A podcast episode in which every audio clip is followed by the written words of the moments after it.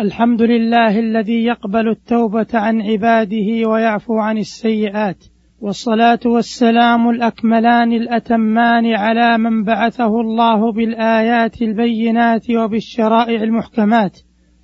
أما بعد فسلام الله عليكم ورحمته وبركاته. أيها المستمعون الكرام لا يزال الحديث موصولا عن الأخطاء التي تقع في باب التوبة. فمن تلك الأخطاء غفلة الأمة عن التوبة. فإذا تحدث متحدث عن التوبة تبادر إلى الذهن توبة الأفراد فحسب. أما توبة الأمة بعامة فقل أن تخطر بالبال. وهذا من الأخطاء في باب التوبة. ذلك أن سنته عز وجل في الأفراد وفي مغفرته للتائبين وعفوه عن المذنبين هي هي سنته في الأمم والشعوب. فالأمة, فالأمة التي تعود إلى طريق الرشاد وتصدق في التوبة والإنابة إلى رب العباد. يفتح الله لها ويرفع من شأنها ويعيدها إلى عزتها ومجدها. وينقذها من وهدتها التي انحدرت إليها وينجيها من الخطوب التي تحيط بها نتيجة الذنوب التي ارتكبتها والمنكرات التي أشاعتها من ربا ومجون وفسق وشرك وبدع وحكم, وحكم بغير ما أنزل الله وموالاة لأعداء الله وتقصير في تبليغ دعوة الله والأمر بالمعروف والنهي عن المنكر ونحو ذلك مما هو مؤذن بالعقوبة وحلول اللعنة.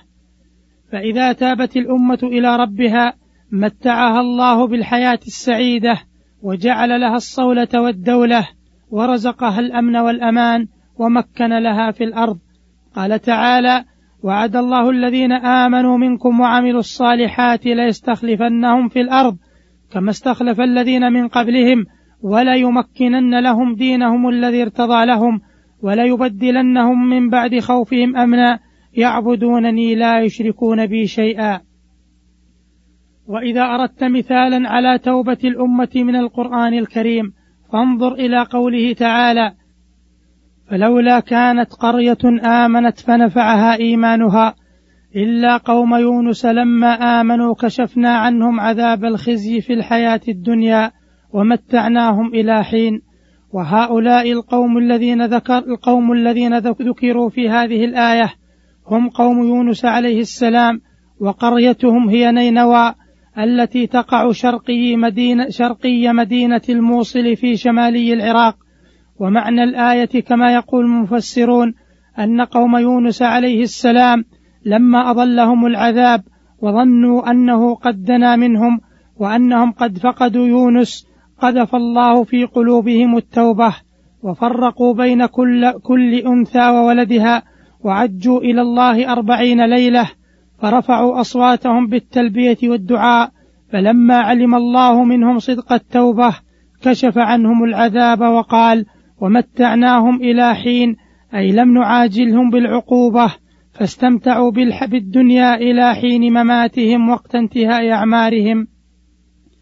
فما أحوج أمتنا اليوم أن تعج إلى الله منيبة تائبة ليرضى عنها ويرفع عنها ما هي فيه من الذلة والمهانة والخيبة والتبعية لأعدائها أيها المستمعون الكرام ومما يجب على الأمة أن تتوب من منه زيادة على ما مضى التوبة من الإسراف فالإسراف نذير شؤم ومؤذن هلاك فهو يفضي إلى الفاقة وينزل بأهله إلى طبقة المقلين أو المعدمين. والإسراف في الترف ينبت في النفوس أخلاقا مرذولة من نحو الجبن والجور وقلة الأمانة والإمساك عن البذل في وجوه الخير. أما أن الإسراف في الترف يدعو إلى الجبن فلأن شدة تعلق النفوس بالزينة واللذائذ يقوي حرصها على الحياة ويحملها هذا الحرص على تجنب مواقع الحروب وإن كانت مواقف شرف وذود عن النفس والمال والعرض. وأما أن الإسراف في الترف يسهل على النفوس ارتكاب الجور فلأن المنغمس في الترف يحرص على اكتساب المال ليشبع شهواته فلا يبالي أن يأخذه من طرق غير مشروعة فيمد يده إلى الاستيلاء على ما في يد غيره من طريق الرشوة أو من طريق الغصب إن كان ذا سلطان وقوة. وأما أنه يذهب بالأمانة فلأن الغريق في الترف إنما همه الوصول إلى زينة أو لذة أو مطعم ونحوه. كثيرا ما تدفعه هذه الشهوات إلى أن يخون من ائتمنه فيمد يده إلى المال الذي ائتمن عليه وينفقه في شهواته الطاغية. وأما أنه يمسك الأيدي عن فعل الخير فلأن من اعتاد الترف حتى أخذ بمجامع قلبه كان أعظم قصده من جمع المال. إنفاقه فيما يلذه من مأكول أو يتزين به من نحو ملبوس أو مفروش. لذلك كان الغالب على المترفين المسرفين قبض أيديهم حيث يبسط غيرهم يده إسعادا لذوي الحاجات من الفقراء والمنكوبين أو إجابة لما تدعو إليه المروءة والمكارم. ومن هنا نستبين أن للإسراف سيئة أخرى هي قطع صلة التعاطف والتوادد بين كثير من أفراد الأمة. ولهذا تجد من المسرفين المترفين من ينفق الأموال الطائلة في سبيل لذاته وشياطينه وإذا سئل بذل القليل في مشروع جليل أعرض ونأى بجانبه.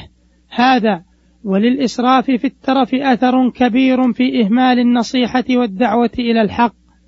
ذلك أن من اعتاد التقلب في الزينة وألفت نفسه العيش الناعم يغلب عليه الحرص على هذا الحال فيتجنب المواقف التي يمكن أن تكون سببا لفوات بعض النعيم. وللإسراف أثر في الصحة فقد دلت المشاهدات على أن المسرف في نحو المأكل والمشرب لا يتمتع بالصحة التي يتمتع بها المقتصدون فيما يأكلون ويشربون. والإسراف في الترف يقل معه النبوغ في العلم.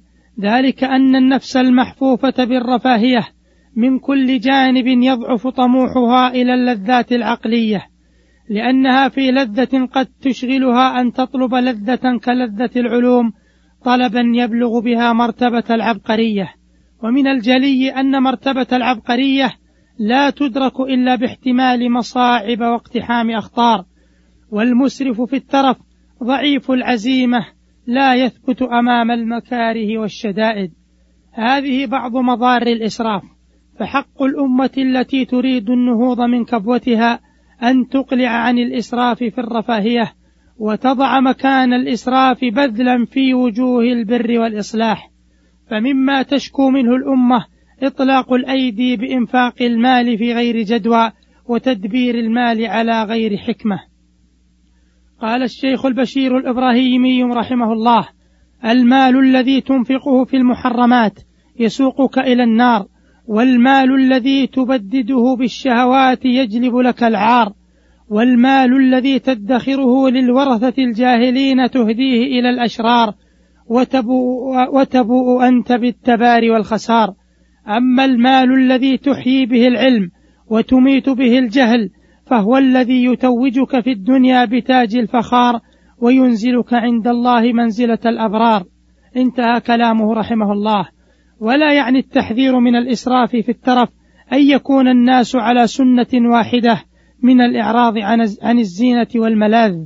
فقد قال تعالى قل من حرم زينة الله التي أخرج لعباده والطيبات من الرزق. وإنما المقصود من ذلك الدعوة إلى أخذ النفوس بالاقتصاد. وحمايتها من الإفراط في الزينة واللذيذ من العيش. ولهذا سلكت هداية القرآن الكريم بالناس هذا الطريق القويم وهو طريق الاقتصاد. فبعد أن أمرت في آيات كثيرة بالإنفاق في وجوه الخير نهت عن الإسراف نهيا بالغا.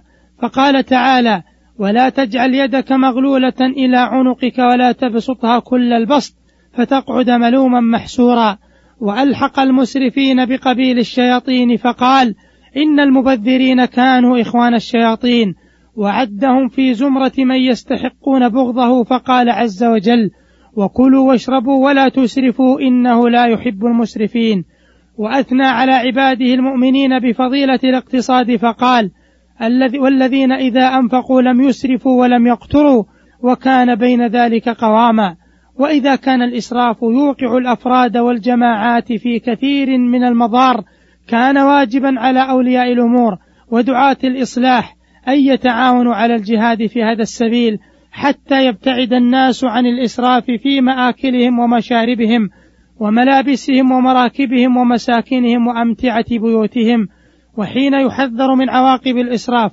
ويدعى إلى الاقتصاد يبين أنه لا فضيلة في الاقتصاد إلا بعد أن يؤدي الرجل يؤدي الرجل حق المال.